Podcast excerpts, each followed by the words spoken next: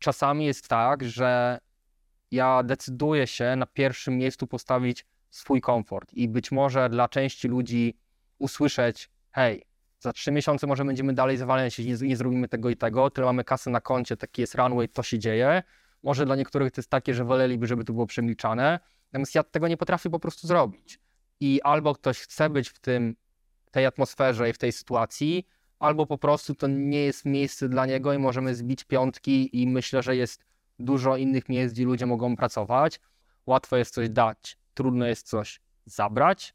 Wyszliśmy z tego, mamy taką umowę, że jeśli wrócimy do określonego wzrostu, który uważamy, że jest nam potrzebny, to automatycznie wprowadza to na nowo e, czterodniowy tydzień w pracy.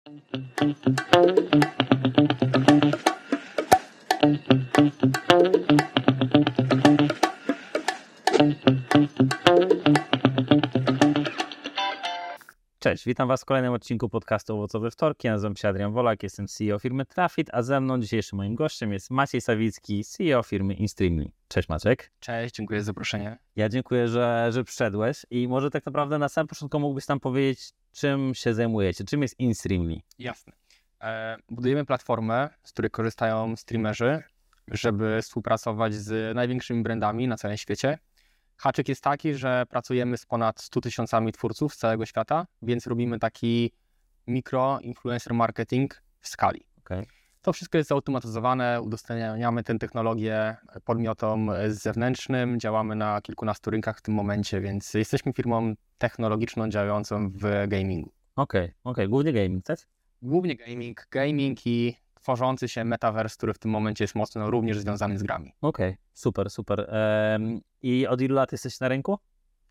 Od 20 roku zaczęliśmy działać. O, okej, okay. okej. Okay. Myślałem, że trochę dużo. To super, to super, że takie, taki, tak, taki wzrost w takim, w takim czasie. No właśnie, jak to, jak to wygląda tak naprawdę, jeżeli chodzi o, o samą firmę? Jakbyś mógł nam powiedzieć trochę teraz, jak duży jest zespół, jak to teraz wygląda? Ja dzisiaj chciałem trochę porozmawiać o tym, jak tak naprawdę wyglądały te tematy takie około HR-owe, rekrutacyjne, jak zakładałeś firmę, kiedy wiesz, nie masz nagle struktury HR niesamowitych i tak dalej. Tak. A, a jak to wygląda teraz może? Jak, jak, jak dużo to jest firma? Okej. Okay. W tym momencie to jest około 50-60 osób. W mhm. szczytowym momencie przed y, dołkiem na rynku okay. technologicznym, poszukałem dobrego słowa, to było około, około 75-80 osób. Mhm.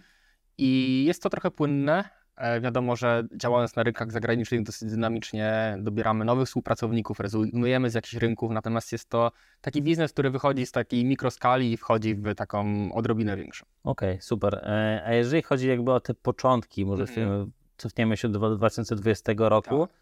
E, jest pomysł na stworzenie, tak. stworzenie firmy. Wy pozyskaliście chyba jakieś finansowanie już na samym początku? Tak, dosyć tak. szybko pozyskaliśmy, już byliśmy post revenue, mieliśmy tam, nie wiem, powiedzmy 300 tysięcy złotych revenue na polskim rynku i wtedy poszliśmy do funduszu SMOK i mhm. dostaliśmy taką mikroskopijną rundę milion złotych, którą -hmm. gdzieś tam dalej wykorzystaliśmy. W naszym wypadku patrząc na te początki, trzeba mieć świadomość, że mieliśmy dosyć ciekawą strukturę właścicielską, bo okay. działamy w czwórkę funderów, więc jak jesteś w czwórkę i to są ludzie, z którymi wcześniej pracowałeś i są gdzieś, powiedziałbym, wyróżniającymi się ekspertami w swojej dziedzinie w Polsce, no to masz pokryte większe kompetencji, które potrzebujesz. Czyli mieliście taki podział, ktoś sprzedaż, ktoś tak. produkt, ktoś tam... Tak, technologia, okay. CEO Okej, okay. tak okay. super, super. E, czyli czterech founderów, pozyskaliście tak. rundę. No dobra, i trzeba stworzyć produkt już mieliście. Tak, mieliśmy produkt, mieliśmy technologię, no mieliśmy jakiś tam team, powiedzmy, nie wiem, łącznie nas było 7-8 osób. Okej, okay. jak, to, jak to wyglądało z Twojej perspektywy, jeżeli chodzi właśnie o dobieranie trochę tych osób na początku? Bo jestem okay. ciekaw, jakby na co tak naprawdę Ty patrzyłeś jako CEO, na co zwracać uwagę? Jasne, no ja jestem zdania, że revenue przede wszystkim, więc my zawsze mocno stawiamy na to, żeby zarabiać kasę i żeby mieć przynajmniej perspektywę tego, żeby pójść break-even, jeśli trzeba. I oczywiście, że tej kasy już troszkę zebraliśmy, bo to tam będzie, nie wiem, trochę ponad 20 milionów złotych, złotych z rynków. To jest, to jest bardzo mało i bardzo dużo. No, to jest taka na Polskę to tak czarna dziura. E, I jako, że byliśmy zawsze tą firmą revenue first, no to większość pieniędzy inwestowaliśmy albo w sprzedaż, albo w client service. Mhm. I pozostałe obszary, no zawsze, gdy już tam nie dało się zapiąć suwaka, to kogoś dotrudnialiśmy. Natomiast wydaje mi się, że to, że firma była budowana przez dosyć ludzi doświadczonych, co prawda wszyscy byliśmy wtedy trochę po 30, ale to jednak jest pewne doświadczenie, no to mniej więcej wiedzieliśmy, czego chcemy i jak chcemy. Ja miałem doświadczenie z takiego biznesu, gdzie pracowało 30-40 osób mojego biznesu poprzedniego z branży reklamowej, więc trochę znałem te wszystkie bóle przejścia od 10 do 20 osób, od 20 do 30. No teraz eksploruję te kolejne bóle na kolejnych etapach. Natomiast e, oczywiście, że większa część tych rzeczy HR-owych w początkowym okresie ona była po prostu pode mną, Mhm. ale wydaje mi się też, że jednocześnie bardzo świadomie zatrudnialiśmy ludzi i bardzo świadomie budowaliśmy coś, co modnie nazywa się kulturą organizacji. Okej.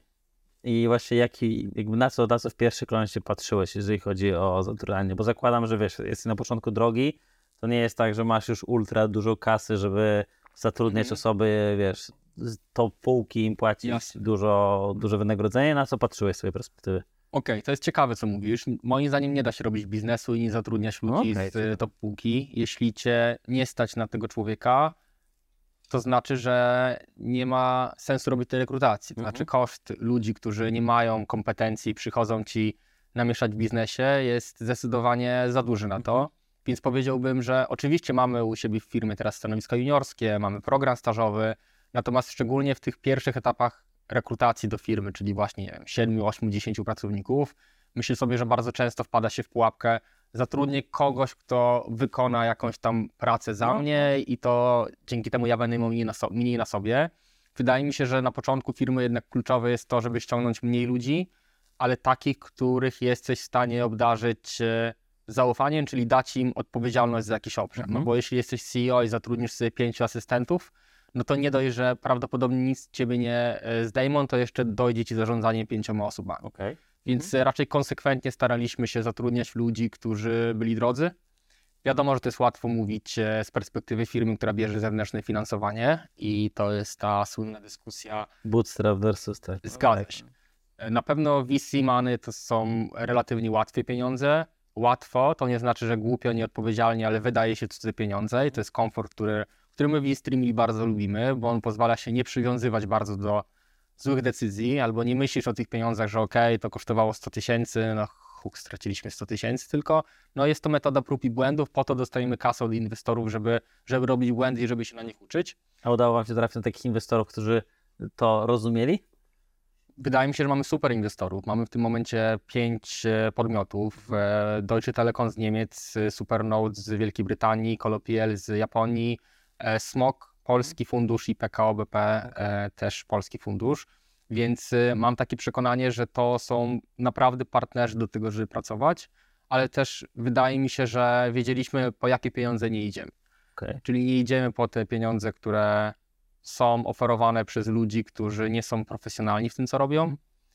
Nie poszliśmy po żadne pieniądze od e, Angeli e, polskich. E, nie poszliśmy też po żadne pieniądze z jakimś tam e, znaczkiem NCBR-u czy tym podobnym grantem. A czemu po, czemu po Angeli nie poszliście?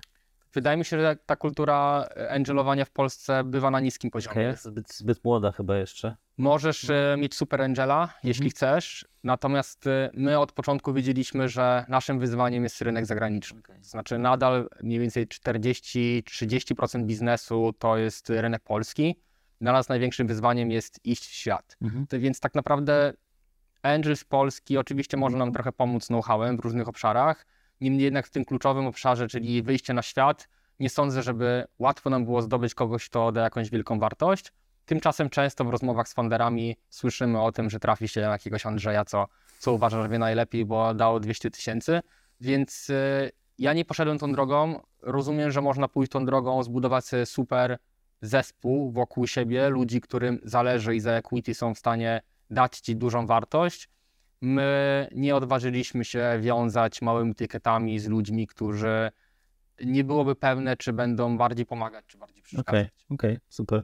No dobra, to bardzo też fajne, fajna perspektywa jednak y, innego, bardziej dojrzałego zatrudniania już na samym początku firmy, bo z różnymi jakby founderami faktycznie Jasne. rozmawiam i czasem, czasem idą ludzie tą drogą, że nie wiem, zatrudniamy właśnie, nie mamy kasy na ludzi z doświadczeniem, Mhm. bierzemy ludzi bardziej z jakimś takim drygiem, jakimś takim, wiesz, smykałką do tego i jakoś ich tam sobie ukształtujemy, e, aczkolwiek to jest takie ryzyko, którym powiedziałeś, że możesz skończyć z trzema właśnie juniorami, których i tak musisz mocno e, tam coachować i, i to nie jest tego, że ci, wiesz, zabrali część twojej pracy i masz czas na coś innego. Jasne, ja myślę, że w zdrowej firmie jest potrzeba juniorów, stażystów, dlatego że oni wnoszą dużo wartości, wnoszą świeżość.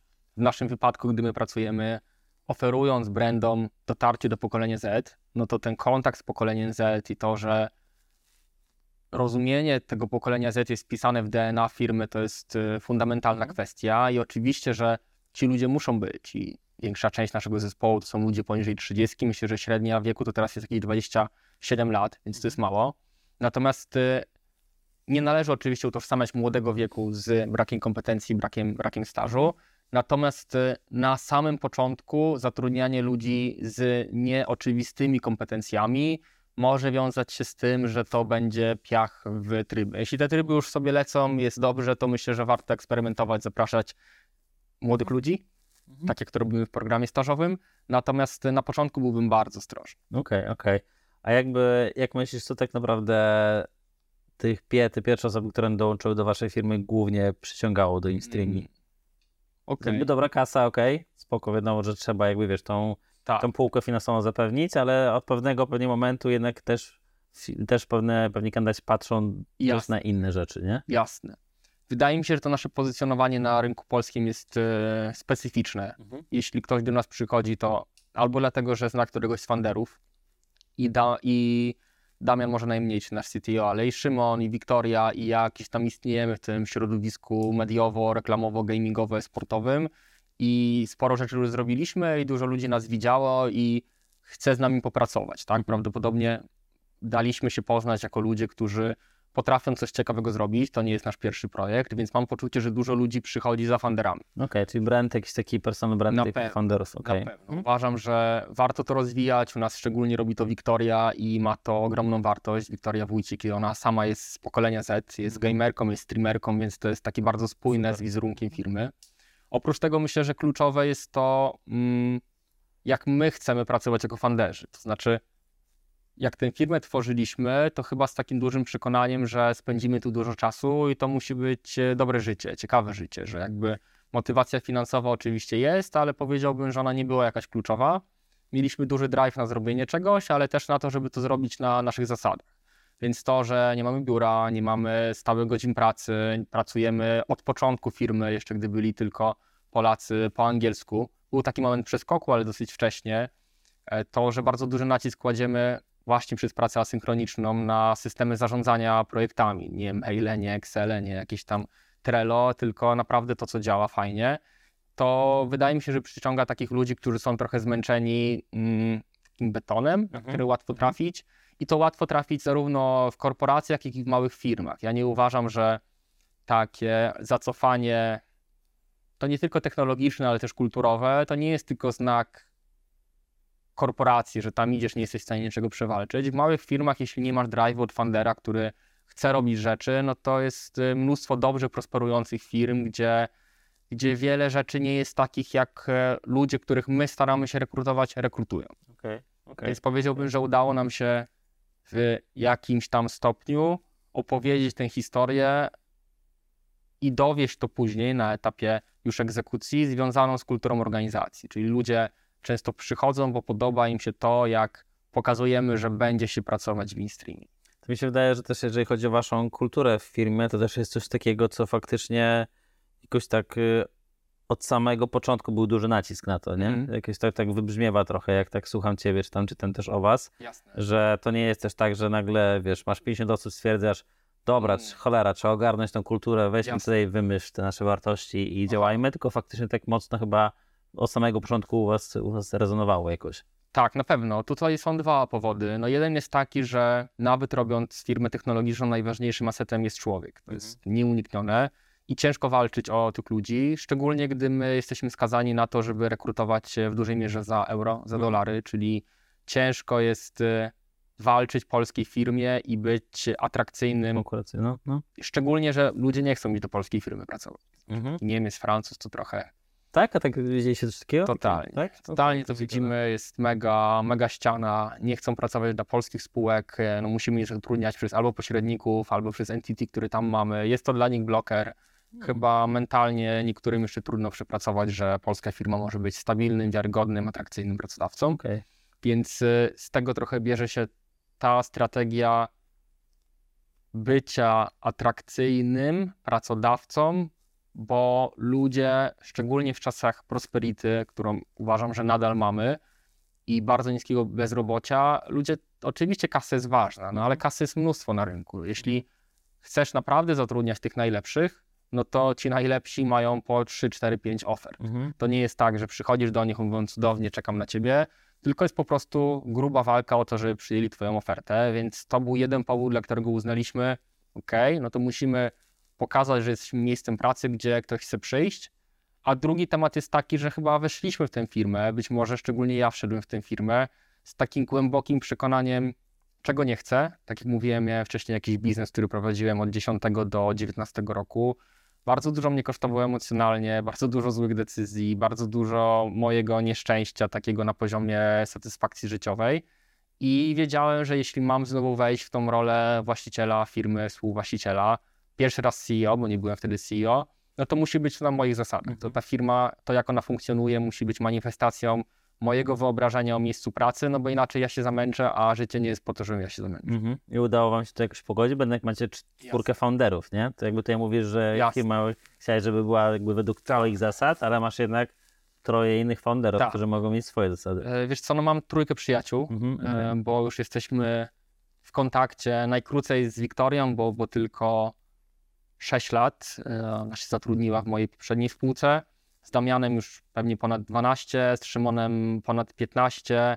Jest jeszcze Gosia, e, która jest u nas szefową operacji. Nie jest fanderką, ale też bierze udział we wszystkich zarządowych rzeczach. Znamy się e, 17 lat, Okej. więc to są takie bardzo mocne relacje oparte na komunikacji, zaufaniu. e, I wydaje mi się, że jesteśmy też bardzo mocni w takich tematach, które często przez ludzi są niedoceniane, czyli w jaki sposób komunikować swoje potrzeby. Cała historia wokół NVC, która w ogóle uważam, że jest istotna w kontekście budowania organizacji, Mhm. czyli nonviolent communication. Chyba też takie osadzenie się w sobie, czyli w tym, co jest dla mnie ważne i o co z kim walczę. Mam poczucie, że dealujemy na poziomie zarządu z bardzo dojrzałymi ludźmi, którzy byli na terapiach.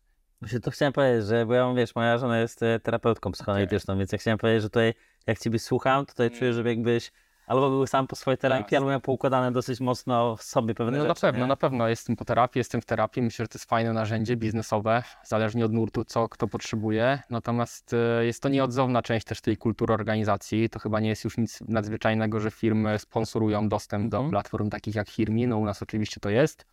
Natomiast e, na takim głęboko ludzkim poziomie trzeba potrafić zarządzić tymi emocjami i myślę sobie, że jeśli miałbym robić ten biznes w cztery osoby, z kimś, komu nie ufam, ale nie, że nie ufam w takim sensie, że my się nie kłócimy, nie mamy różnicy zdań, bo to jest kontrproduktywne. Natomiast, że jesteśmy w stanie usiąść, pogadać i mamy swoje techniki różne, żeby rozładować to napięcie i na przykład podjąć decyzję, że robimy tak, jak ja czuję, a nie tak, jak ty czujesz. A z twojej perspektywy to jest jakby e, łatwiej robić biznes z przyjaciółmi, czy jednak ma to dużo więcej wyzwań? Dorastałem do, do tego, żeby mieć na ten temat jakieś zdanie. Okej. Dużo mnie kosztowało robienie biznesu z przyjaciółmi, którzy już nie są moimi przyjaciółmi, Okej. e, z byłymi partnerkami, które siłą rzeczy już nie są byłymi partnerkami i myślę, że fakt, że współpracowaliśmy nie pomogło. Miałem taki etap odrzucenia wszystkiego i powiedzenia tu jest biznes, tu jest życie prywatne, absolutnie się to nie przenika. Natomiast zobaczyłem, że to jest kwestia i mojej dojrzałości, takiej gotowości do tego, żeby no do wielu rzeczy. E, natomiast też dojrzałość tych osób, z którymi dealuję. Mhm. Wydaje mi się, że można to łączyć, absolutnie. Ja myślę sobie, że jeśli ten biznes sprzedamy, albo ten biznes upadnie, albo cokolwiek się wydarzy, to ja jestem z tymi ludźmi gotowy robić e, kolejny biznes. super. Chciałbym robić z tymi ludźmi kolejny biznes. No, komfort pracy z ludźmi, z którymi czujesz się dobrze i którzy dają ci energię, moc, pchają do góry, a nie ciągną w dół, no to jest, jest, jest coś cudownego. Wolałbym robić e, słabą firmę, nieinteresującą firmę z tymi ludźmi, niż e, robić e, zajebistą technologię z ludźmi, których bym nie lubił. Okej, super, super. Fajnie to brzmi, no. A jeżeli chodzi o takie, bo to, to jest też coś takiego trochę nietypowego, jeżeli chodzi o was, że w waszej komunikacji też często się pojawiają te tematy takie HR-owe, nie? Jasne. Czyli mamy różne te modne tematy, Tak. jak Unlimited Paid Holidays, e, Four Days Week i Tak. tak dalej, i tak dalej. Jestem ciekaw w ogóle, z czego to wynika, nie? Bo jesteście jakby firmą produktową, możecie sobie robić te swoje rzeczy wokół produktu, ale jednak też dużo komunikujecie z takich tematów właśnie HR-owych. Okej. To jest jakoś tak siedzi to w tobie, rezonuje to w tobie, z czego, Jasne. z czego to wynika? My wiesz, my o tym też mówimy, nie? Tak. Ale my jesteśmy firmą Jasne. wokół HR-ów, więc jakby dla mnie to jest takie naturalne. A tutaj jestem Okej. ciekaw, z czego to wynika, że akurat taka duża część komunikacji też jest o tym. Okej. Powierzchownie, dlatego że uważamy, że to jest ważne dla kandydata. Mhm. Że minęły te czasy, gdy ludzie chcą, oczywiście niektórzy chcą, ale wielu nie. Minęły te czasy, gdy ludzie po prostu chcą zarobić hajs i nara, idą do domu. To jak jest w firmie, to co jest w firmie ich nie interesuje. Uważam, że jest coraz więcej świadomych ludzi na rynku, którzy rozumieją, że ta relacja pomiędzy pracodawcą a pracownikiem ewoluuje, że to już nie jest czas, gdy był szef i podwładny i tutaj szef stoi, krzyczy pracuj ciężej, tylko żyjemy w czasach, e, tak jak powiedział profesor Bauman, e, płynnej nowoczesności i to wszystko na naszych oczach się zmienia i naprawdę jest wielu super kumatych ludzi, do których my chcemy dotrzeć, którzy nie chcą prowadzić swoich biznesów, nie chcą być freelancerami, chcą być częścią organizacji, bo coś, natomiast chcą, żeby ta relacja była inna, niżeli taka, jak na przykład mieli ją ich rodzice czy dziadkowie w swojej, w swojej firmie.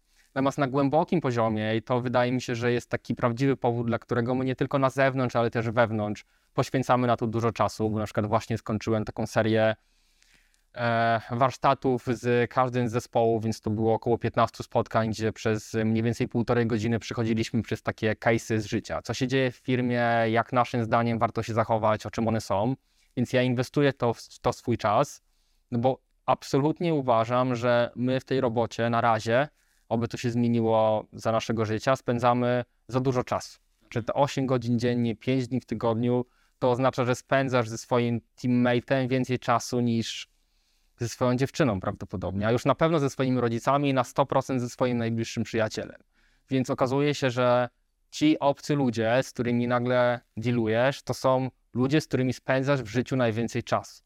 No i jak to już wybrzmi i to do ciebie dotrze, to nagle się okazuje, że to jaką będziesz miał z nimi relację, ale też jacy to są ludzie, no bo nie zbudujesz z młotem zdrowej relacji. Jak siedzi na przykład ciebie parapet i ty mówisz do parapetu, mówisz, mówisz, no to on nie zrozumie, więc to jest absolutnie kluczowe, z kim w tej firmie dealujesz i jakie masz narzędzie, czyli jaki masz ten kod kulturowy, żeby, żeby się dogadać. No i jeśli naprawdę sprawisz, że ludzie w twojej firmie się komunikują, chcą się dogadać, mają fundamentalne poczucie tego, że warto być przyzwoitym, chcą być uczciwi, komunikatywni, nie budować dram, nie rozgrywać, to nagle się okazuje, że jesteś w stanie dać niesamowitą wartość tym ludziom, bo oni to doceniają. To znaczy, jest gro ludzi, która gdzieś tkwi w takim przekonaniu, że najlepiej jest iść na kawę albo na browar i mówić, ale mam słabą pracę, mój szef to jest złamany kutas i tak dalej, i tak dalej. Natomiast są też ludzie i od nich bije niesamowita siła, którzy przychodzą na spotkanie i mówią, u mnie w pracy jest super, ja lubię swojego szefa, ja lubię pracować z tymi ludźmi, to są dojrzali, fajni ludzie i to jest osiągalne, tylko trzeba to świadomie zaprojektować, trzeba na to poświęcić czas i myślę sobie, że to jest największa wartość tej firmy, że stworzyliśmy miejsce, gdzie i funderzy lubią pracować, i wielu, bo nie wszyscy, to nie jest rozwiązanie dla wszystkich, ale wielu pracowników chce tam być, chce tam zostać. Dobra, to wróćmy do tych tematów trochę HR-owych i to, co, to, co faktycznie mnie za- zastanawia, e, wdrożyliście Unli- Unlimited Paid Holidays i zastanawiam się jakby, co za tym stało, jakby z czego to wynikało. Oczywiście pewnie trochę to się wiąże z tym wiem, dojrzałym podejściem do Mhm, współpracowników, natomiast jakby co było taką główną motywacją? Okej.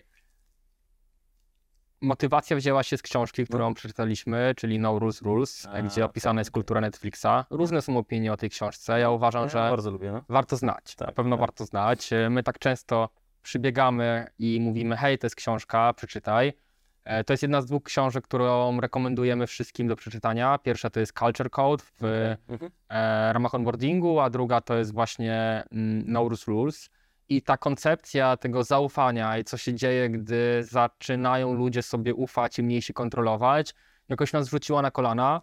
W tym sensie, że my też jesteśmy skazani na to, żeby nie kontrolować. To znaczy, w tym modelu, który stworzyliśmy, my nie jesteśmy w stanie skontrolować, co kto robi. My jesteśmy w stanie ocenić efekty jego pracy. Natomiast y, w trakcie, gdy ktoś pracuje, to bardzo trudno nam stwierdzić, jak pracuje, czy pracuje, z kim pracuje, dlaczego pracuje.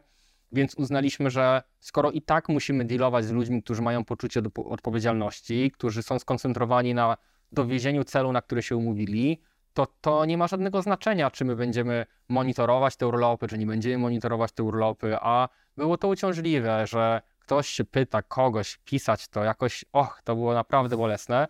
I po prostu przeszliśmy na ten tryb i oczywiście dało to takie efekty jak w każdej firmie, która przychodzi. Niewiele się zmieniło, ludzie biorą podobną ilość dni urlopowych, z tą tylko różnicą, że nie czują, że muszą się komuś tłumaczyć i, i po prostu to działa. Okej, czyli nie, nie macie takiego przypadku, które często jest pod, podrzucane jako ryzyko, że ktoś nagle na trzy miesiące pójdzie na urlop. Wiesz, podobno większym ryzykiem jest to, że ludzie biorą mniej urlopów. Nie urlop, tak, to tak się w Stanach jakby, znaczy Tak. To też są, wiesz, to też są statystyki często ze Stanów, gdzie mimo wszystko ten system urlopowy jest inny, bo Okej. tam nie masz 26 dni jak w Polsce, tylko masz bardziej 8 dni na przykład, nie? więc jakby to jest takie, że nie są przyzwyczajeni do takich większych faktycznie urlopów, ale, ale my mamy bardzo podobne spostrzeżenia. U nas wyszło chyba ze statystyk, że ludzie tam średnio kilka dni więcej biorą Okej. niż to przysługuje, e, ale tak, też nie widzieliśmy jakiegoś, wiesz, załamania, jeżeli chodzi o pracę, wyniki i tak dalej, no. Jeśli Fajnie. ludzie chcą pracę i lubią tę pracę, to będą tej pracy bronić, w tym sensie, że będą wtedy, gdy jest potrzeba, żeby dowieść cel, więc y, właściwie to nawet nie pamiętam o tym w rozumieniu takim egzekucyjnym, że mamy taką politykę, dlatego że jest dosyć wysoka kultura brania odpowiedzialności. Mieliśmy sporadyczne sytuacje i to czasami dotyczy młodych osób szczególnie, które nie bardzo rozumieją koncepcję tego, że Ownershipu czy? tak, Okej. ownership. No, ownership jest drugim takim hasłem. Zresztą świetna książka, też mogę polecić, tak, Extreme Ownership, e, który musi ten koncept zostać opanowany przez zespół, żeby móc pozwolić na wiele innych rzeczy związanych z kulturą, o której mówimy. Czyli trudno pracować asynchronicznie, trudno pracować, e, mieć nielimitowane urlopy i tak dalej, i tak dalej, jeśli ludzie nie biorą odpowiedzialności. Mhm. Jeśli sami nie szukają tej odpowiedzialności, to też wydaje mi się istotne, że fajnie, jeśli mają poczucie, ok, widzę tu jakiś obszar, ktoś za to musi mieć odpowiedzialność. My korzystamy z tego takiego narzędzia DRI, które, które chyba Google wprowadziło, albo, albo Microsoft, albo Apple, na pewno któraś z tych firm. I, I to jest y, bardzo ważna część, y, może nie kultury organizacji, ale takiego y, etosu pracy, że Okej. finalnie ktoś musi wziąć odpowiedzialność, no bo jak nie będziemy brali odpowiedzialności, to rzeczy zaczną się rozsypywać. Okej, okej, rozumiem. A to jest tak, że wiesz, udało wam się coś takiego wprowadzić od początku, takie wiesz, zorientowanie na cele i ownership? Okej. Czy to jest tak, że wiesz, rośliście, nagle stwierdziliśmy, dobra, musimy to uporządkować, Tak. jakby potrzebujemy, żeby jednak ludzie byli bar- bardziej odpowiedzialni, Tak. brali tą odpowiedzialność?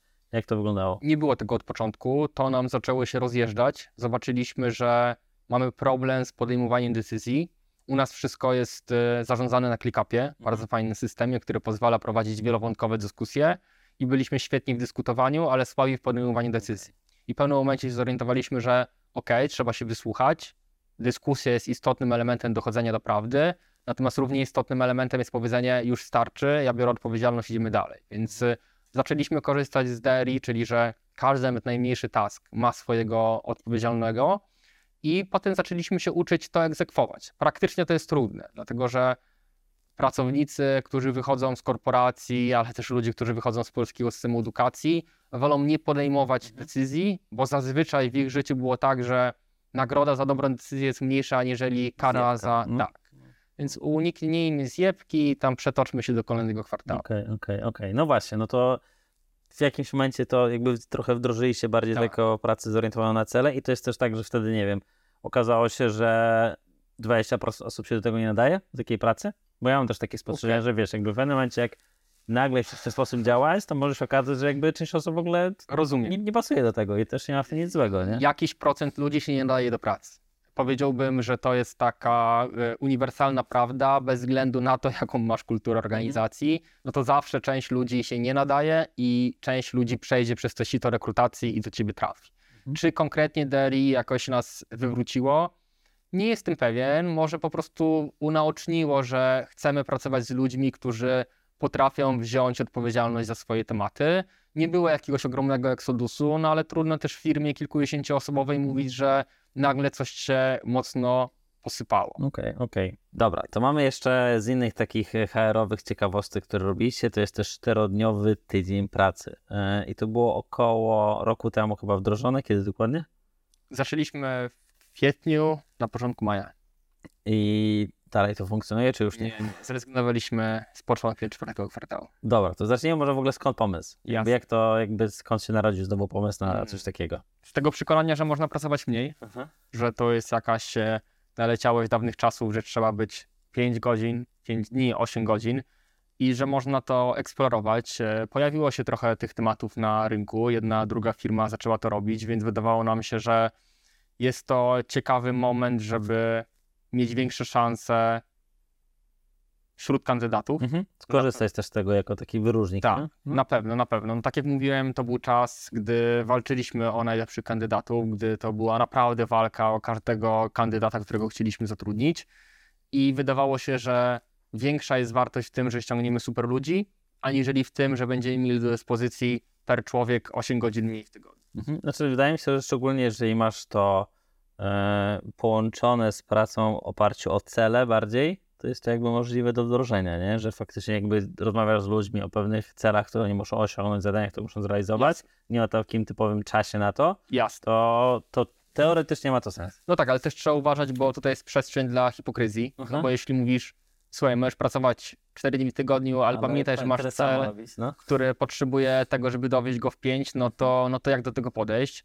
My w ogóle jesteśmy firmą, która wydaje mi się, że wyróżnia się na rynku. Może już nie wyróżnia się na rynku szeroko rozumianym, ale na rynku reklamowym, gdzie za, z założenia nie chcemy pracować dłużej niż 8 godzin dziennie. To jest e, niepotrzebne, nieetyczne, na dłuższą metę głupie, bo jeśli naprawdę masz dobrych pracowników, to ich wypalasz, a to nie jest e, sprint, tylko maraton.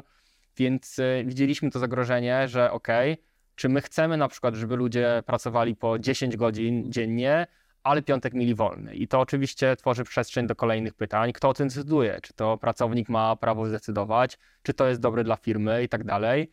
Więc takie powiedzenie, no to popracujemy 3 dni, ale nie zmieniamy ci celów, jest trochę tricky. Mhm.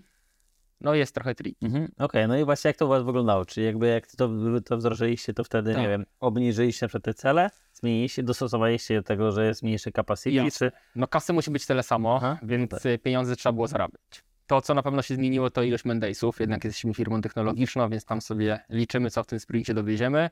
No i absolutnie najbardziej było widać w tym teamie produktowym i technologicznym, że z pustego nie nalejesz. No jak w piątek nie pracujesz, to po prostu robisz mniej. Team kliencki trochę musiał w piątki popracować, no bo klienci czasami jak słyszeli, my w piątek nie pracujemy, to mówili, co was pojebało. E, I były takie sytuacje, autentycznie jest to niemalże cytat z korespondencji z klientami, więc dosyć szybko się zorientowaliśmy, że nie jesteśmy pępkiem świata i że trzeba się ustawić frontem do klienta i mieć jakieś tam dyżury. Natomiast było też dużo teamów, gdzie po prostu nie pracowano w piątek. Większość firmy, nie licząc jakichś tam dyżurów, nie pracowała w piątek i po prostu skoczyliśmy to, żeby zobaczyć, jak jesteśmy w stanie zmierzyć zmianę.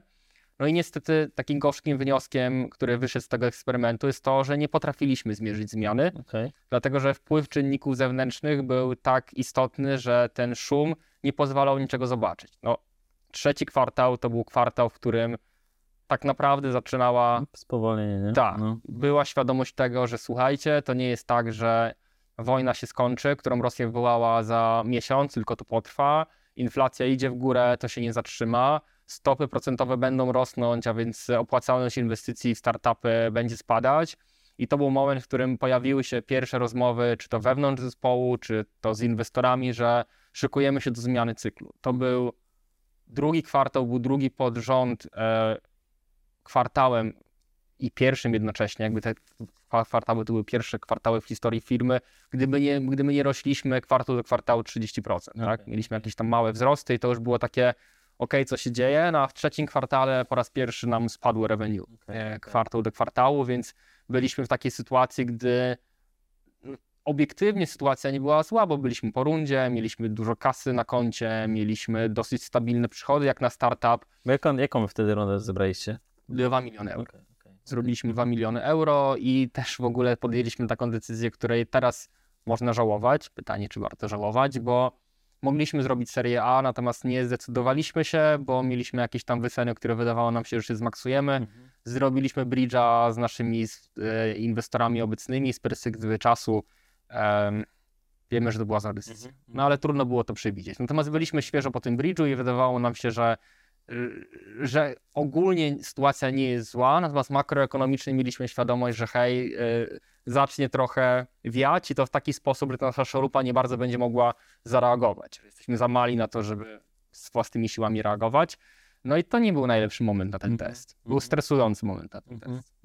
Okej. A jak w ogóle, wiesz, a jak w ogóle, jeszcze wróćmy do początku tego Tak. testu, jak w ogóle inwestorzy zareagowali na taki pomysł? I jakby byli otwarci? Jakby Chyba dowiedzieli zobaczmy? się po prostu. Jakby to nie było tak, że my nie konsultujemy decyzji z Mhm, inwestorami. mhm. Mamy y, większość udziałów w firmie e, i większość inwestorów e, to też nie są udziałowcy. Mamy papiery dłużne, czyli convertible notes. E, Z całym szacunkiem do tych świetnych ludzi, z którymi pracujemy, wydaje mi się, że oni dają nam kasę, a my dowozimy. Okej. I to jest jedyna zdrowa relacja z inwestorami. Oczywiście, jak nie dowozimy, to jest przestrzeń do tego, żeby ktoś pokazał, jaki jest naprawdę. Mhm. Do tej pory nie mieliśmy żadnej nieprzyjemnej sytuacji z inwestorami. Myślę, że to jest rozmowa na jakiś e, te, temat na inną rozmowę. Mhm. Faktycznie jeden inwestor z Polski, jak zobaczył nasze wyniki w trzecim kwartale, to powiedział, ja wiedziałem, że to jest zły pomysł, żeby wprowadzać okay, pięciodniowy e, dzień w pracy.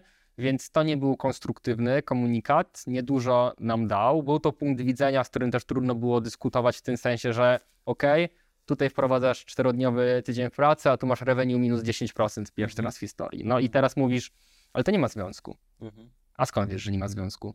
No bo wiem. Więc e, to jest taka trochę próba sił. Dodatkowo jeszcze ten główny argument, dla którego my to wprowadziliśmy, czyli fakt, że łatwiej nam będzie zdobyć pracowników, trochę przestał być relevant, no bo Tak. w tym momencie sytuacja się może nie drastycznie zmieniła, natomiast jest już zupełnie inaczej niż rok temu. Mhm. W rekrutacjach mamy ludzi, którzy naprawdę chcą bardzo do nas przyjść i nie mają, są super specjalistami, ale nie mają pięciu innych ofert. Mhm. Mhm. Więc y, wycofaliśmy się z tego głównie dlatego, że jak powiedzieliśmy sobie, hej, to teraz trzeba naprawdę all hands on board, żeby dowieść ten wynik w tym roku i żeby wrócić na ten track szybko rosnącej spółki technologicznej, no bo też trzeba zrozumieć, że dla nas wzrost, nie wiem, tam 30% rok do roku to nie jest wzrost. Mhm. Ten wzrost powoduje, że my nie zbierzemy rundy. Dla nas wzrost dwukrotny rok do roku to nie jest wzrost. Tak? My musimy naprawdę szybko rosnąć, żeby inwestorzy dali nam więcej pieniędzy, albo dramatycznie, drastycznie zmienić model funkcjonowania firmy. Więc y, to było tak, że naprawdę musieliśmy się mocno spiąć. No jak tak uznaliśmy, hej, łatwiej nam chyba będzie się spiąć e, w 5 dni. Chyba nie mamy takich wielkich jaj do wyłożenia na stół, żeby powiedzieć, w 4 dni też to zrobimy. Mhm. Natomiast Jak to? A jak zespół zareagował na to? Ze zrozumieniem, Okej. ze zrozumieniem. E, Mieliśmy taki mały zgrzyt, jak zareagują ludzie, którzy poprzychodzili do nas jako do firmy, która pracowała 4 dni, bo faktycznie mieliśmy plus 100% więcej zgłoszeń. Mhm. Naprawdę to zadziałało jak mega wabik i przyszli do nas super ludzie, którzy w dużej mierze przychodzili, bo mówili, hej, ja chcę pracować 4 dni w tygodniu. Nikt z tych ludzi nie odszedł, to ciekawe, natomiast na pewno była to taka przestrzeń do niewdzięcznego overpromisu i z perspektywy czasu wydaje mi się, że to była na pewno próba, próba sił dla nas jako dla firmy, no bo łatwo jest coś dać, trudno jest coś zabrać. Wyszliśmy z tego, mamy taką umowę, że jeśli wrócimy do określonego wzrostu, który uważamy, że jest nam potrzebny, to automatycznie wprowadza to na nowo Mhm. e, czterodniowy tydzień w pracy. Lubimy w ogóle tak pracować. To Ray Dalio of Principles opisał taką metodę zarządzania firmą na, na twardych założeniach. Czyli jeśli coś się dzieje, to na pewno to zrobię. I też staramy się tak układać to w relacji z pracownikami. Więc teoretycznie jest szansa na to, że do tego wrócimy. Praktycznie wydaje mi się, że na pewno nie za dwa kwartały. Okej, okej. No dobra, no to jakby mamy eksperyment z tym czterodniowym ty, Tak. tygodniem pracy. Potem też wspomniałeś, no jakby sytuacja na rynku Tak. startupów nie jest łatwa, delikatnie mówiąc. E, no i też jakby was dosięgnęła fala zwolnień, które musieliście zrobić, nie? E, to jest około 20 osób, tak? Myślę, że 20 osób to Okej. tak e, lekką ręką A odeszło. jak, jak, właśnie, bo w sumie jeden jeszcze główny temat, czy jeden z tematów, o których nie zapytałem, jak wygląda u was kwestia HR-ów? Jakby macie dział Jasne. HR, duży dział HR, czy jak to wygląda? Tak. W takim momencie, gdy wydawało się, że ta spółka będzie bardzo szybko rosnąć, czyli mieliśmy tam wzrostu powiedzmy 5, 10, 12 pracowników w kwartale, czyli to jest znowu szybko i wolno, Mhm. tak? Jakby na takie realia stabilnej firmy to jest dosyć szybko. no to mieliśmy dużo kompetencji HR. Mhm. Mieliśmy Gosię, naszą e, Head of Operations, która ma w ogóle background HR-owy. Przez wiele lat była headhunterką, pracowała e, w takim HR-ze rekrutacyjnym, jest w tym świetna. Oprócz tego pod nią były jeszcze trzy rekruterki, Okej, okej. więc mieliśmy taki mocny team rekrutacyjny, ale dlatego, że uważaliśmy, że ten sukces możliwy jest tylko z naprawdę świetnymi ludźmi i musimy ich wyszarpać. Musimy ich wyszukać, musimy ich znaleźć. Po czasie okazało się, że za granicą tak naprawdę musimy korzystać i tak z usług agencji rekrutacyjnych, że sami tam za dużo nie wskuramy, że z Polakami to nie bardzo chcą gadać. Natomiast mieliśmy ten dział HR dosyć rozbudowany i to nie mówię jakieś tam back office, tylko stricte w tej firmie, która tam miała pod 70 osób, mieliśmy trzy osoby y, rekrutacyjne i menadżerkę, która też ma background taki stricte rekrutacyjny. Okej, no dobra, no ale przyszła jakby ta, ta fala zwolnień, jakby jak się do tego przygotowaliście trochę tak, wiesz, komunikacyjnie, procesowo, Okej, okej. to różnie, różnie jak wiesz, to występuje, róż, różne historie są, sami Tak. też mieliśmy takie rzeczy, więc, więc jestem ciekaw jak to wyglądało u was, no. Jak to wyglądało z naszej No, perspektywy? no. Okej. Ta perspektywa jest zawsze nieuczciwa, bo jest funderska. no wiadomo, no. Nie mówiłem o tym dużo i wydaje mi się, że to jest temat, który się dopiero w firmie rozgrywa, bo dosłownie miesiąc temu mieliśmy kolejne zwolnienia i wydaje mi się, że pożegnaliśmy 10 osób. E, I to jest trudny temat dla mnie, oczywiście łatwiejszy, bo wszyscy zwalniają możesz powiedzieć, że wszystkim nie idzie. Mm, Jak się do tego przygotowaliśmy? A co masz na myśli? No wiesz, za- zakładam, że to jest e, tak, że oczywiście ta, ta sytuacja, e, ten temat musi się pojawić w głowie Tak. funderów i sami Tak. muszą to jakoś przerobić. Tak. Jakby zaplanować to, wiesz, to, Tak. zwłaszcza jak masz taką firmę, gdzie nie jesteś januszem biznesu, tylko jednak stawiasz na ludzi, to nie jest też taka decyzja, dobra, obetniemy sobie tam, wiesz, koszty o 20% i na ludzie, Aha. tylko jednak sam to musisz pewnie przerobić w swojej głowie. Jestem ciekaw jakby jak to potem, nawet już tak konkretnie operacyjnie wyglądało, czy to tak zak- zakomunikowaliście nagle wszystkim na e, wspólnym komunikatorze, coś takiego Tak. będzie się działo, czy z wybranymi osobami, najpierw okay. jak to, Okej. jak to wyglądało. Wiem, że jakby różni Okej. firmy do tego podchodzą i tak naprawdę Hmm. nie ma dobrego, dobrego sposobu na robienie Jasne. tego, nie? Trochę to, jak u nas to wyglądało już operacyjnie, wynika z założenia pełnej transparentności. Mhm. Czyli nie robimy zasadniczo takich rzeczy, że idziemy do menadżera i coś mówimy w tajemnicy. Nie rozgrywamy rzeczy poza plecami innych ludzi w firmie, co ma swoje plusy i minusy, bo na przykład bardzo fajną strategią zwalniania ludzi jest tam przygotowanie ludzi i powiedzenie im, hej, może zwolnimy tego i tego, i tam jest mniejszy szok i tak dalej. No my mamy taką zasadę, mm, też zresztą tytuł książki, ciekawie Radical Honesty, Mhm. czyli no zawsze najlepiej prosto w twarz. Co za tym idzie, jak przychodzi czas zwolnień, no to po prostu mówimy, oczywiście one on one najpierw, a potem na forum, że zdecydowaliśmy się na takie rozwiązania. Robimy rzecz jasna mniej bądź bardziej udolnie te wszystkie rzeczy, które starają się robić wszystkie firmy, które mają chociaż odrobinę chciałem powiedzieć przyzwoitości, ale nie wiem, czy w ogóle ta historia jest przy- przyzwoitości, które, które coś chcą, czyli staramy się zarekomendować do spółek z Empatii, no. no. tak, no. empatia jest fajnym No. słowem. E, więc staramy się zarekomendować tych ludzi do jakichś tam e, spółek z portfolio naszych inwestorów i tak dalej, i tak dalej.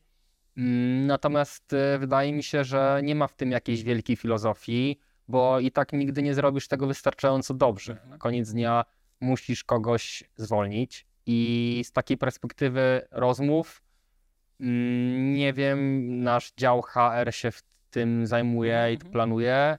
Ja bardziej dealuję z tym na takim wysokim poziomie, czyli co dalej z firmą i jak e, zarządzać tym biznesem, gdy iluś tam kompetencji brakuje.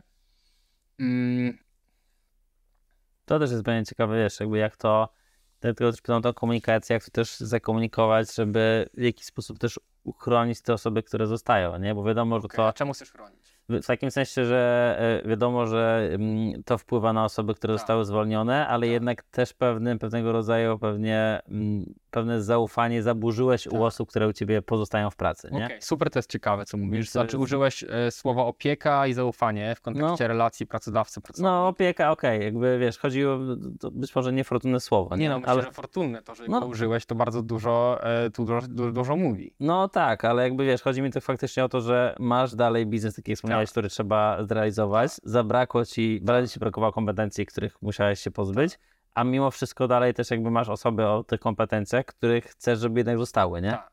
Jakby jak ty wiesz, ta komunikacja myślę, że jest też kluczowa pod takim kątem, żeby w jakiś sposób jednak nie było tak, że okej, obciąłeś koszty o te 20%, w następnym miesiącu sam dostaniesz 10 wypowiedzeń, nie? Bo na przykład jak ktoś stwierdzi, dobra, jednak to nie jest dla mnie stabilne środowisko pracy, ten, dlatego jakby poruszam ten Jasne. temat komunikacji, jakby jak tak naprawdę to zrobić, żeby te osoby jednak, które zostają, dalej zostały z nami. Ciekawe. No, Mhm. Okej, no startupy nie są stabilnym miejscem no pracy. tak.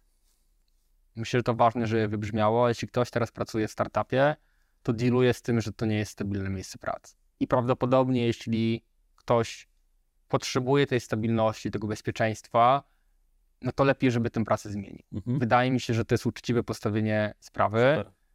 Oczywiste jest, że pracodawcy budują to iluzoryczne poczucie bezpieczeństwa, bo umowa o pracę, którą możesz wypowiedzieć, to nie jest żadna historia. I wydaje mi się, że znacznie uczciwsza, uczciwsza jest relacja pracownik-pracodawca, gdy pozbędziemy się tego przekonania, że ktoś komuś, czyli pracodawca pracownikowi, jest w stanie zaoferować poczucie bezpieczeństwa albo opiekę. I Mhm. teraz tak, myślę, że jeśli naprawdę jest tak, jak mówiłem, czyli że zatrudniamy dobrych specjalistów, takich, którzy mają dużo ofert pracy, to nawet wtedy, gdy sytuacja na rynku pracy robi się trudna, to przeważnie dealujesz z ludźmi, którzy mają poczucie, okej, ale ja znajdę inną pracę, Mhm. ja mogę coś zrobić. Więc to Dokładnie. nie jest Mhm. sytuacja, gdy zwalniasz pana w zakładzie metalurgicznym w małym mieście, jakby on nie utrzyma rodziny. Więc oczywiście, że w tym sensie jest nam trochę łatwiej.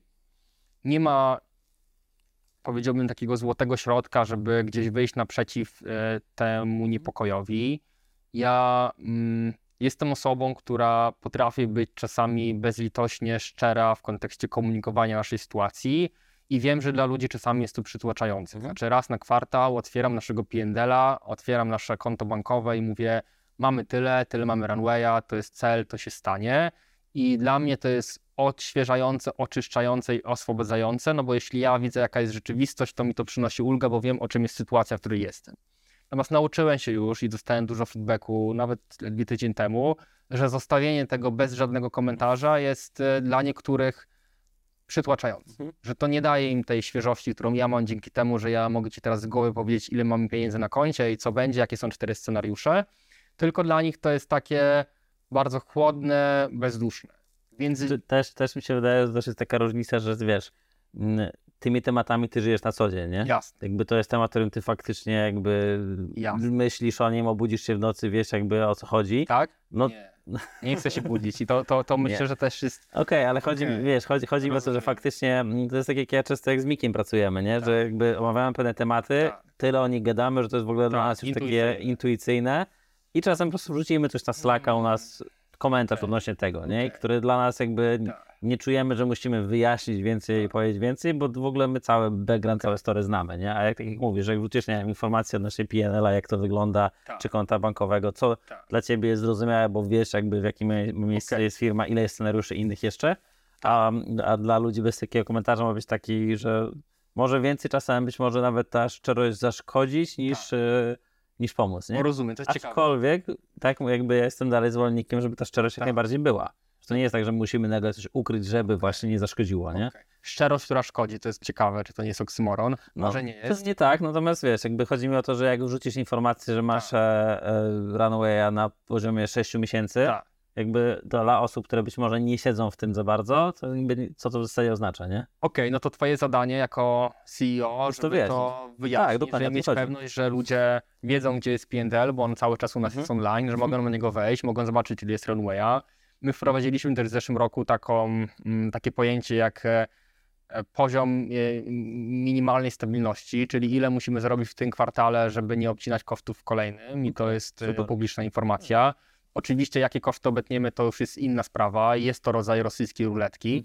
Natomiast y, nie chciałbym, żeby ktoś miał takie poczucie, że ja mam aspirację, żeby dać mu poczucie bezpieczeństwa. Mhm. Tak bardzo mocno wieje na tym rynku, że ja po prostu nie mogę wejść w tą rolę. I jedyne, co mam do zaoferowania, to jest y, pełna transparentność i szczerość, w jakiej jesteśmy sytuacji. Co więcej, dla mnie koszt emocjonalny opieki jest kosztem, na którym ja się życiowo nie mogę zgodzić. I oczywiście, że trudno jest się rozstać z ludźmi, z którymi jesteśmy czasami krócej albo dłużej. Natomiast na koniec dnia ja jestem człowiekiem, który jedyne co ma to swoje zdrowie. Więc na pierwszym miejscu stawiam to i mój komfort psychiczny jako CEO. I być może są lepsze dla firmy rozwiązania, niżeli te, o których mówię. Natomiast na początku powiedziałem Ci, że zbudowaliśmy tę kulturę organizacji z myślą o sobie. Mhm. Jakkolwiek to jest egoistyczne podejście, natomiast jednocześnie uważam, że jest uczciwe w tym sensie, że faktycznie robimy rzeczy jako funderzy, które mają nam dawać pewien poziom komfortu. I teraz, czy przy okazji zazwyczaj udaje się stworzyć coś, do czego przychodzą inni ludzie, są zadowoleni? Okej. Natomiast czasami jest tak, że ja decyduję się na pierwszym miejscu postawić swój komfort i być może dla części ludzi usłyszeć, hej, za trzy miesiące może będziemy dalej zawalać, nie, nie zrobimy tego i tego, tyle mamy kasę na koncie, taki jest runway, to się dzieje. Może dla niektórych to jest takie, że woleliby, żeby to było przemilczane, natomiast ja tego nie potrafię po prostu zrobić. Mhm. I albo ktoś chce być w tym, w tej atmosferze i w tej sytuacji, albo po prostu to nie jest miejsce dla niego i możemy zbić piątki i myślę, że jest dużo innych miejsc, gdzie ludzie mogą pracować. Na ten moment odpukać. Mm, ludzie chcą to wytrzymać. Z jakiego powodu? To trzeba byłoby się ich pytać. Tak, to też chciałem zapytać, ale słusznie ich, ich lepiej o to zapytać. Natomiast Jasne. pytanie jest też takie, Jeśli mogę coś No. dodać, bo to jest ważne. Em, Niefortunnie się czuję w tej rozmowie, bo uważam, że oglądają to i nasi pracownicy, i, i ci, którzy odeszli. Natomiast zdecydowałem się na ten podcast i wiedziałem, o czym będziemy rozmawiać. Mhm. Myślę sobie, że moja część historii to jest moja część historii i no i tak już musi zostać, że pewnie fajnie byłoby, gdyby tu usiadł, wiesz, ktoś z tych ludzi, który na przykład został zwolniony i powiedział, stary, no to dupy zostało to no, tak? Zresztą taki feedback też dostawaliśmy, bo ludzie mają różne oczekiwania, że mieliśmy dużo rozgorczonych ludzi, to jest naturalne. No, usłyszeć, hej, już nie jesteś potrzebny, decydujemy się z tobą rozstać, no to i, ile razy nie powtórzysz, że rozstajemy się z tymi ludźmi nie dlatego, że nie dowodzili, czy nie są wystarczająco kompetentni, tylko taka jest sytuacja, kierujemy się dobrem firmy i tak dalej, no to trudno to rozkleić i nie pomyśleć, to czemu ja, a nie 60 innych osób. I ja jestem chyba cienki bolek jeszcze w takich rozgrywkach, w tym sensie, że to pierwszy raz, gdy przechodzę w ogóle w swoim życiu przez taki etap. W poprzedniej firmie, jak ją sprzedawałem, był też trudny moment, ale nie aż taki. I powiem Ci, że jestem ciekawy, co ja będę sobie myślał za 10 lat. Wchodząc w ten biznes startupowy, i to jest też, co mówię ludziom, trzeba było się liczyć z tym, że nie zawsze jest górka, że jest też dołek i że jakkolwiek nie brzmi to po amerykańsku, jest to pewne doświadczenie, które warto przeżyć. Natomiast jest to, jest to opór trudne i tak jak tutaj siadam i udaję mądrego CEO, to tak naprawdę yy, czuję się na maksa w tym zagubiony, w takim sensie, że ja nie wiem, jak to robić, chyba większość ludzi nie wie, jak no, to nie- robić. nikt tego nie wie, nie? Natomiast u ciebie i tak ja widzę to, że jesteś trochę w innym momencie, że masz dużo rzeczy bardziej poukładane w sobie. Okej. Ja, ja cię nie znam, nie? Ja cię nie znam, On jakby nie ja, zna. mówię, ja mówię to z mojej, z mojej perspektywy, jak z tą rozmawiam i biorę, i biorę to też jakby z perspektywy własnych doświadczeń, które mam, nie? Bo Mhm. my jako Trafi też mieliśmy e, jakąś falę zwolnień taką 4 czy 5 lat temu, tak naprawdę, kiedy mieliśmy, nie wiem, 60 parę osób i 10 osób tam około musieliśmy zwolnić w jednym miesiącu. I ja pamiętam, jak ja to w ogóle, wiesz, ja byłem totalnie nieprzygotowany. Jakby byłem emocjonalnie mocno tak zaburzony, związany z firmą, że to traktowałem jak moje dziecko i tak dalej. Sam wtedy miałem jeszcze 20, nie wiem, 8, 9 lat, czy około 30. Nie no, no trochę po, po 30 po 30 świeżo, nie? I jakby taka sytuacja przyszła, że faktycznie totalnie jakby to przeżyłem emocjonalnie też, nie? Teraz jakby też wiem, że jak tak naprawdę teraz inaczej na to patrzę i też jak teraz się musimy z kimś rozstać, oczywiście są różne sytuacje, jest to czasem trudne, czasem mniej trudne, bo też zależy z kim się rozstajemy, z jakich powodów. Natomiast widzę też jakby w tym, co ty to mówisz, że naprawdę masz zdrowsze podejście, nie? Że to jest jakby zdrowsze. Jasne. Ale to też, jest, to też jest pytanie, które chciałem zadać. E, jakby czy to się u ciebie tak y, od, od samego początku w Instreamie też miałeś to jakby jak ta relacja pracodawca-pracownik wygląda, czy to się u ciebie zmieniło? W takim sensie, czy ty tak naprawdę na samym początku już też komunikowałeś ludziom, wiesz, jakby chodźcie do nas, nie jesteśmy jedną rodziną, tylko jesteśmy właśnie zespołem, Ciekawe. razem działamy? Czy jest tak, że wiesz, jakby ogłaszaliśmy coś tam, a teraz nagle nam się zmieniło, nie? Ciekawe, że to mówisz, ciekawe, że użyłeś analogii rodzina, zespół. Tak, ja to użyłem, bo ja miałem, tutaj miałem dyskusję, y, nie wiem, rok temu, czy półtora roku temu z Piotrkiem z Joina, nie? My Mhm. dyskutowaliśmy sobie, była słynna, słynna, czy słynna, słynna w mojej głowie. 10 osób pewnie to widziało. Słynny fragment, kiedy ja się, się z nim dyskutowałem, kiedy on miał wtedy, chyba mi się wydaje, że teraz mu się trochę zmieniło, wtedy takie podejście, że firma to rodzina, nie? Mm. Że jesteśmy rodziną, że Jasne. coś tam, relacja. Ja mu tłumaczę, że Okej. nie jest to rodzina, to nie jest jakby rodzina nikogo, nie rozstajesz się z nikim z rodziny, bo nie dowodzi jakichś wyników, nie? Jakby właśnie był taki spór trochę zespół versus Mm. rodzina. I stąd jestem ciekaw, czy Okej. miałeś tak od początku w Instreamly, czy może to ci się zmieniło właśnie, nie? Jasne. No to po pierwsze też uważam, że nie rodzina. Mhm. Rodzinę mam w domu, mama, tata, dziewczyna, pies i tam wszyscy, za których oddałbym e, życie. Tutaj za nikogo życia nie oddam, ani nawet pewnie ręki nie chciałbym oddać. To jest brutalna prawda, ale spotkajmy się tym. Mhm. Bo jak już się spotkasz z tym zrozumieniem tego, co odróżnia rodzinę od teamu, to możesz naprawdę dać całe serce temu teamowi i mieć tam super relacje. Więc to jest bardzo ważne w firmie i też parę osób mówiło, że we are a family i tak dalej. No No, tak, nie tak, jesteśmy nie rodziną, jesteśmy, nie na no. tym to polega. Tak. Okej, i myślę, że e, było to od początku InStreamly. Ja od początku bardzo dobrze wiedziałem, czego nie chcę, bo zapłaciłem bardzo wysoką cenę za to, że byłem dzieciakiem 24-letnim, który zbudował firmę, która jak tam miałem 27 lat, to właśnie miała tam, nie wiem, z 30-40 osób. Byłem emocjonalnie nieprzygotowany do tego, merytorycznie nieprzygotowany do tego. Miałem posklejane to, że ja to jestem praca, wynik firmy to Mhm, jestem ja i cały czas w stresie tego, kto będzie zadowolony, niezadowolony. No i na szczęście wyprowadziła mnie z tego moja e, super terapeutka, z którą pracuję już wiele lat i e, zawdzięczam sobie oczywiście w tej terapii i, i jej warsztatowi, że widzę to teraz jako różne rzeczy. E, rzeczy są obok siebie, czasami na siebie wpływają, ale nie ma już tego, tej pralki włączonej na 1200 obrotów. I wiedziałem, że jeśli chcę podążać tą drogą właściciela firmy, a chciałem, bo miałem chęć zrobić startup, wydawało mi się to ciekawe, widziałem, że warto to zrobić, ale wiedziałem, że mogę to zrobić tylko na moich zasadach, takich, które pozwolą mi uniknąć tego, że ja byłem w jakimś tam stopniu nieszczęśliwy. Nie chcę tego wyolbrzymiać, bo jak wspominam te lata 10 lat temu, to one były bardzo ciekawe i pełne życia. Natomiast jednocześnie to życie było okupione wielkim kosztem, którego ja nie chcę płacić, więc rozpoczynając InStreamly, chyba bardzo dobrze wiedziałem już, czego nie chcę. Nie do końca wiedziałem, czego chcę. No to się dopiero klauruje, ale to wyjście z tego zaprzeczenia jest o tyle atrakcyjne, że pozwala ci, pozwala ci być dosyć asertywnym, stanowczym, pewnym siebie, gdy pojawiają się pewne sytuacje. Mhm, mhm. No i to jest taka historia. Super, super. Maciek, dzięki, dzięki bardzo za dzisiaj. Mega, Jasne. mega fajna rozmowa, naprawdę sam, sam osobiście dużo wyciągnąłem, mm. więc dzięki. Super, dzięki serdecznie.